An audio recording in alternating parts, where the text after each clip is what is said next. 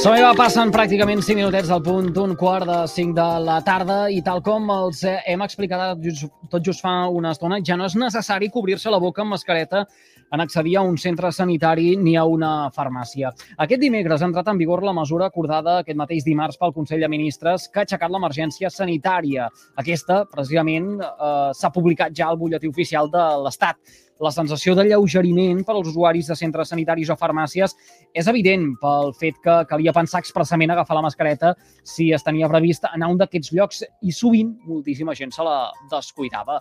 Parlem de tot plegat eh, i ho fem acompanyats del secretari del Col·legi Oficial d'Infermeres i Infermers de Tarragona. Gerard Mora, molt bona tarda i benvingut al carrer Major de les emissores de la xarxa al nostre territori. Hola, bona tarda. Com encara en aquesta notícia des del Codita, des del col·legi? L'han celebrada o són prudents? Bé, jo crec que és una bona notícia perquè les dades no, eh, ens, ens permeten no, dir, i els números a nivell epidemiològic no, podem fer este pas eh, per avant que tothom estàvem desitjant no? I, i per una, tenim una part molt positiva que és eh, aquesta eliminació de la mascareta que ens permetrà comunicar-nos millor però per l'altra també fem un crit a la prudència, no? I també hem de saber que durant aquests quasi tres anys no, eh, ja l'hem sabut portar i crec que s'ha fet una molt bona educació. Llavors, celebrem que es puguen retirar, però també fem aquest crit de, de prudència i consciència a la responsabilitat comú de, le, de totes les persones, doncs, per a, perquè sí que eh, pensem que hi ha en certs moments i en alguns espais que eh, ens eh, unim a les recomanacions que també hem fet des del Departament de Salut per tal d'evitar eh, propagacions no només del Covid, sinó d'altres malalties. Hmm. Com s'han viscut aquestes primeres hores ja en uh, uh, l'àmbit uh, sanitari, el fet de uh, no haver de dur la mascareta? Es notava aquesta contenció? Tothom ho sabia? No sé si han percebut encara algun despistat que uh, això de la mascareta i el fet que ja no calgués uh, dur-la avui encara no ho havia escoltat als mitjans. Clar, a nivell, a nivell de població, la veritat que sí que la, sí que la gent... Jo crec que és una... No? I d'aquí la tasca que feu, vull dir, crec que s'ha fet molt bona notícia i s'ha fet i ha arribat la informació. El que sí que hem vist és eh, tant població, no? eh, usuaris com professionals que, tot i encara estan les recomanacions, dient no, no, eh, jo em, sent, em sento més segur encara en la mascareta i, bueno, cadascú és, és lliure. De fet, com a professionals i des del Col·legi d'Infermeres i Infermers de, de Tarragona pensem pues, que, com dia, eh, en situacions, per exemple, de, de persones vulnerables, que després sí podem que des llocs com urgències, l'atenció primària, doncs és important continuar a portar. També és veritat doncs, que pensem que els professionals, tot i que sí que hi ha unes recomanacions i al final no, eh, és el professional que acaba decidint, però pensem que és important eh, pues que també aquell professional sigui conscient de l'ús de la mascareta i de quan l'ha de dur, perquè al final una mascareta és un equip de protecció individual tant per al propi professional com per a, per a la resta d'usuaris i, de, i de població. Recordem eh, que eh, l'ús de mascaretes encara és recomanable als centres sanitaris, en llocs on hi hagi gent vulnerable i si es tenen símptomes compatibles amb la eh, Covid, el que deia el senyor Mora, i són obligatòries a les zones hospitalàries amb malalts crítics o immunodeprimits, quiròfans i unitats de cures intensives. Què hagués passat si eh, la mascareta s'hagués quedat ja en aquest context eh, sanitari, eh, hospitalari, ara que ja n'estàvem acostumats, per exemple? Bé, jo crec que és el que comentàvem. Eh? Jo crec que al final no serà avui eh, als hospitals, als centres d'atenció primària, no verem ja els, tots els professionals sense mascareta. De fet, crec que és una mesura que eh, ha estat bastant ben acceptada pels professionals perquè pues, sabem no, de tot el que... I, de fet, ja abans de la Covid, eh, de, de, de, de determinades eh, situacions i circumstàncies, ens havíem de vestir perquè formava part, no? I havíem de portar mascareta perquè formava part d'aquesta eh, prevenció. I et dic, jo crec que va ser una mesura bastant ben acceptada per part dels professionals. No? I com tu ben dies, encara hi ha llocs que continuaran sent obligatòries i aquí doncs, crec que tots serem molt conscients, però també apel·lem una mica a la responsabilitat de cadascú, no? És a dir, si jo tinc símptomes, eh, estic, tinc febre, tinc molta tos, no? Doncs, eh, pues, possiblement, si he d'anar, encara que no estigui, que estigui a un hospital i no estigui a cap d'aquestes zones, doncs, per aquest sentit de responsabilitat comú, doncs, em podré posar la mascareta. O igual que eh, si sóc una persona, doncs, que poso un exemple, eh, estic fent un tractament, rebent un tractament de quimio, ja, em port, ja normalment ja se'l recomana, no? I doncs ja em portaré una d'especial per a protegir-me a mi, a mi mateix. Eh? Mm. N'haurem après de tot això? Uh, realment aquesta pedagogia que hem fet al llarg d'aquests uh, anys de uh, pandèmia, ara que uh, uh, l'OMS uh, ja uh, explicava tot just fa uns dies que uh, uh, aixecava aquesta denominació, aquesta nomenclatura que hem estat utilitzant fins ara, el fet que a casa nostra des d'avui ja no calguin les uh, mascaretes, uh, com a ciutadania, uh, vostès que directament treballen uh, a, a diari amb, en els eh, centres eh, sanitaris creuen que eh, serem conscients després quan eh, tenim símptomes que no tenen per què ser de, de, de, de Covid, eh? de, de grip, un refredat, -huh. eh, o, o unes dècimes de febre. Eh, aplicarem aquestes mesures que fins ara tots enteníem com a correctes en el context de crisi sanitària?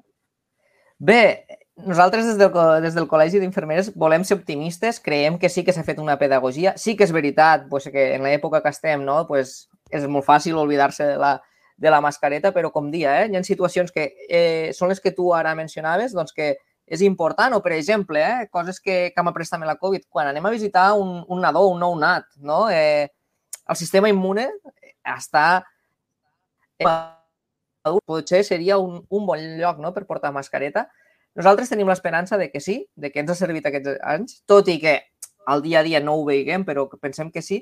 I també hem de recordar, eh? i aquí no, no vull ser, no, no vull ser un, un aixafar la, la guitarra no? en aquest sentit, però possiblement amb els anys, i vist a nivell històric, a nivell epidemiològic, ens enfrontarem a altres epidèmies i altres pandèmies. Llavors sí que és important recordar tot el any que esperem que no, però per si algun dia eh, en concret torna a haver les indicacions o inclús la normativa de que ens obliga a portar la mascareta, doncs que recordem tot això que, que hem après aquests anys.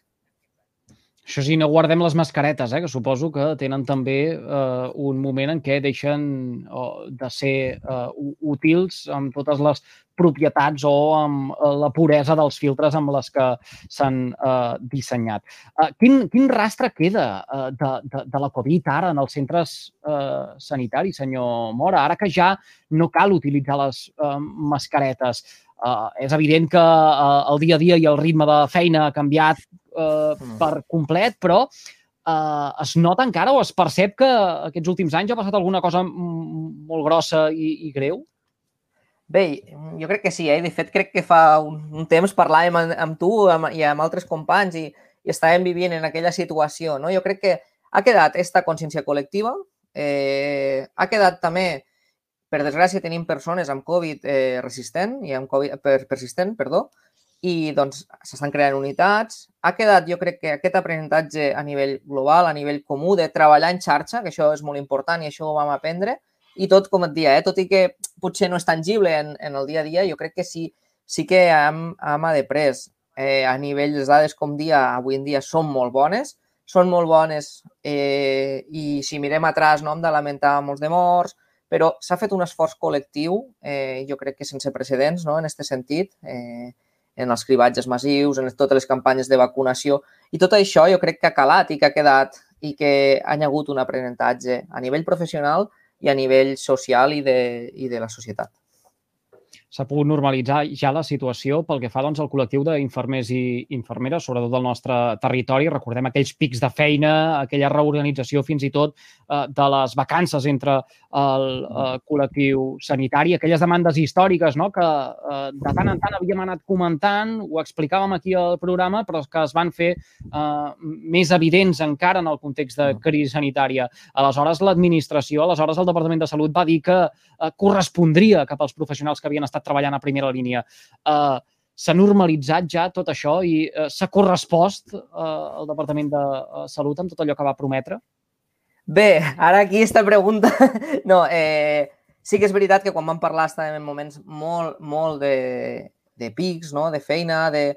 i mm, ara aquí serem una mica d'això, però potser han, anat, han notat millores, però les reivindicacions continuen estant, continuem estant possiblement igual, potser hem millorat alguna que la pandèmia.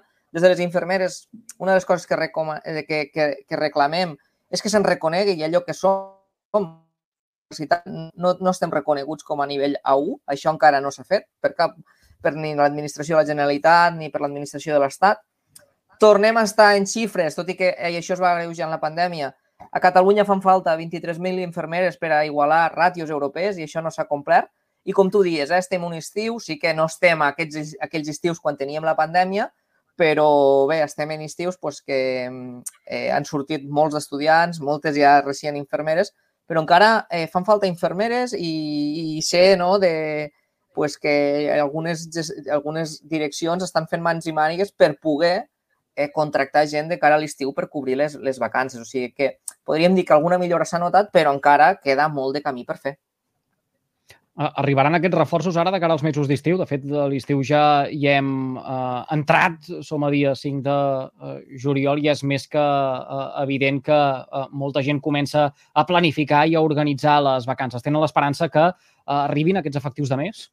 Sí, ens consta que sí. De fet, eh, aquí a tota Tarragona no? podríem dir que tenim, ja sabeu, tenim un, un pic en quant a turisme. Llavors també han hi hagut zones de costa que s'han previst, pre, previst reforços d'estiu, igual que alguns hospitals, i s'han pogut anar cobrint, no en la velocitat que hagués agradat, però eh, sí, els reforços estan, la gent podrà fer vacances, però és així, eh? Partim d'una situació que no és la ideal, que que fan falta pues, 23.000 infermeres. Eh, Tarragona eh, tenim la pitjor ràtio infermera-pacient de Catalunya, eh, infermera, perdó, eh, persones per cada 1.000 habitants, i això doncs, s'ha de fer un treball continu, no només planificar per a l'estiu o quan ens ve una pandèmia damunt, sinó que les planific la planificació s'ha de fer a llarg termini. Mm. Uh, insistirem també des d'aquest espai, quan ens visiten doncs, els uh, representants del Departament de Salut del nostre territori, farem, uh, en aquest cas, d'intermediaris entre el col·lectiu de professionals de l'àmbit mèdic. Uh, escolti una cosa, canviem de, de, de tema. Des d'aquesta setmana, les infermeres del Sistema Sanitari Integral d'Utilització Pública de Catalunya poden indicar nous medicaments que necessiten recepta mèdica. Què vol dir això? Sí, bé, això és una, una de les coses que sí que hem avançat. Eh, des de, des de la formació, les infermeres doncs, tenim coneixements i competències per poder prescriure medicació i això forma part del desplegament d'aquesta indicació d'ús de medicaments per, per part de, de les infermeres que ja fa 3-4 anys que estan, estan vigents. Llavors, eh, hi, ha, hi ha tota una sèrie de, de productes sanitaris que ja estaven prescrivint des de feia dos anys, és a dir, eh, sobretot apòsits, bolquers, tot allò que abans en feia el metge les infermeres no estàvem legalment capacitades, llavors ara sí que podíem i ara, eh, a nivell legal, que s'ha habilitat, tot i que hi ha unes guies eh, avalades pel Ministeri, és que podem prescriure certs medicaments o fàrmacs que eh, exclusius de prescripció mèdica. Això vol dir que s'han aprovat unes guies validades pel Ministeri de Salut. De fet, ja feia mesos eh, que, estaven, que estaven validades. L'únic que esperàvem és que es pogués pujar als sistemes informàtics de, de, de, dels sistemes de, de, de clínics de treball i això vol dir pues, que, per exemple, a dia d'avui, si una infermera atén a una persona que s'ha cremat i necessita una pomada que és de prescripció mèdica, la infermera ja pot finalitzar aquella consulta prescrivint aquella pomada, per exemple, per dir-te que porta un sulfat de plata i no ha de duplicar la visita, anar que el metge en faci la recepta, quan és la infermera que ha abordat tot aquest, tot aquest problema. S'estan aprovant guies progressivament, no podrem prescriure tots els fàrmacs, però sí aquells que són eh, propis de la nostra competència. Vaja, una mesura que el que fa és millorar l'accés de la ciutadania a, a, a la a medicació, en aquest cas, i a vostès els dona també doncs, més autonomia. No, sé si això comporta també a, a, que hi hagi un cert reciclatge o que a, hagin de continuar la formació, a, perquè fins ara no tenien aquest eh, paper que ara sí que disposen. Sí, bé, eh, eh, com et dia, eh, el grau d'infermeria ja ens habilita per, per, per tenir coneixements igual que, igual que coneixements de farmacologia, que per exemple en, en altres disciplines sanitàries que, que podrien ja prescriure. Òbviament, medicina sí que tenen més crèdits, però en aquest sentit eh, era una, una reivindicació històrica que teníem este, este problema a nivell legal, aquestes traves a nivell legal, que simplement el que ha fet és habilitar-nos. Òbviament, totes les professions sanitàries estem en continu reciclatge perquè pues, les patologies van canviant, les formes d'atenció van canviant i forma part, però no, no vol dir que ens haguéssim de reciclar específicament en coneixements de farmacologia que ja ens dona pròpiament el, els estudis de, del grau. Hmm. no sé si preveuen, ja per acabar, una última uh, pregunta sobre això, no sé si preveuen que es puguin reduir fins i tot aquestes llistes d'espera uh, que, que fa que uh, moltes d'aquestes visites simplement per anar a buscar una recepta mm, es facin eternes, de vegades fins i tot que arribin uh, uh, tard aquests fàrmacs. Bé, el que sí que hem detectat amb l'any i mig que fa, que aquí tenim sobre unes 800 infermeres que ja tenen el certificat digital per poder prescriure, el que sí que hem detectat és que evitem duplicitats de visites, eh, sobretot en productes sanitaris, en aquest cas ja tenim ja hem superat quasi el, el millor d'indicacions de, de productes per part de les infermeres i, clar, això sí que millora la qualitat assistencial, en aquest cas perquè no generes una duplicitat de visites i al final és molt més eficient de cara, de cara al sistema i pel tema de les, de les visites, eh, tenim alguns programes com la gestió infermera de la demanda que possiblement sí que pot arribar a reduir aquesta, no? Pot, poden ser eh, mecanismes de millorar l'accessibilitat al sistema eh, tot el que eh, ajudi a millorar, en aquest cas, doncs, a, a avançar, a facilitar aquesta eh, comunicació i al final eh, qui en sortir reforçat és la ciutadania, en aquest cas l'usuari serà eh, benvingut eh, i celebrem que de mica en mica es facin aquestes passes endavant. Gerard Mora, secretari del Col·legi Oficial d'Infermeres i Infermers de Tarragona, agraïts com com més hagi fet confiança al carrer Major de les emissores de la xarxa al nostre territori. Un plaer. Bé, moltes gràcies a vosaltres. Bona tarda. Carrer